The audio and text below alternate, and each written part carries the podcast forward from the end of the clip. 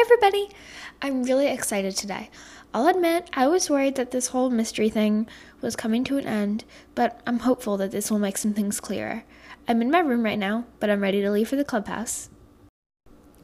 Before I go, though, I want to recommend another amazing podcast called Booktastic.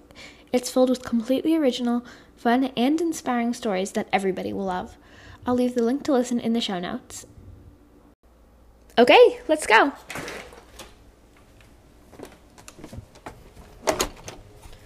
I'm really excited to see the Hall of Fame. I haven't been in there since I was six, I think. I don't actually go in the clubhouse that often. Ah, we're here. Let's see. The Hall of Fame is right around this corner. Mm-hmm. They're there.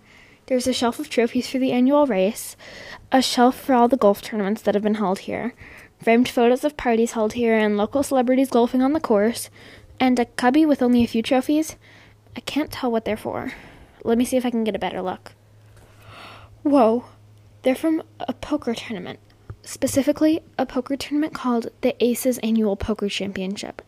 They each have a photo of the winning team next to it. The actual trophy is a statue of all four aces, with the card and color on top of a metal base. Like I said before, there's only a few. There's one black and white photo with no trophy. It says on the bottom of the frame, 1937 Aces Champs. I guess that since 1937 was in the Great Depression, they didn't get a trophy made. Oh, and there's a rusty one. It's from 1967, the year on the back of the Polaroid. Oh my gosh. The photo that goes with it, it's the Polaroid. The Polaroid with Mr. Saltzman. Listeners, do you know what this means?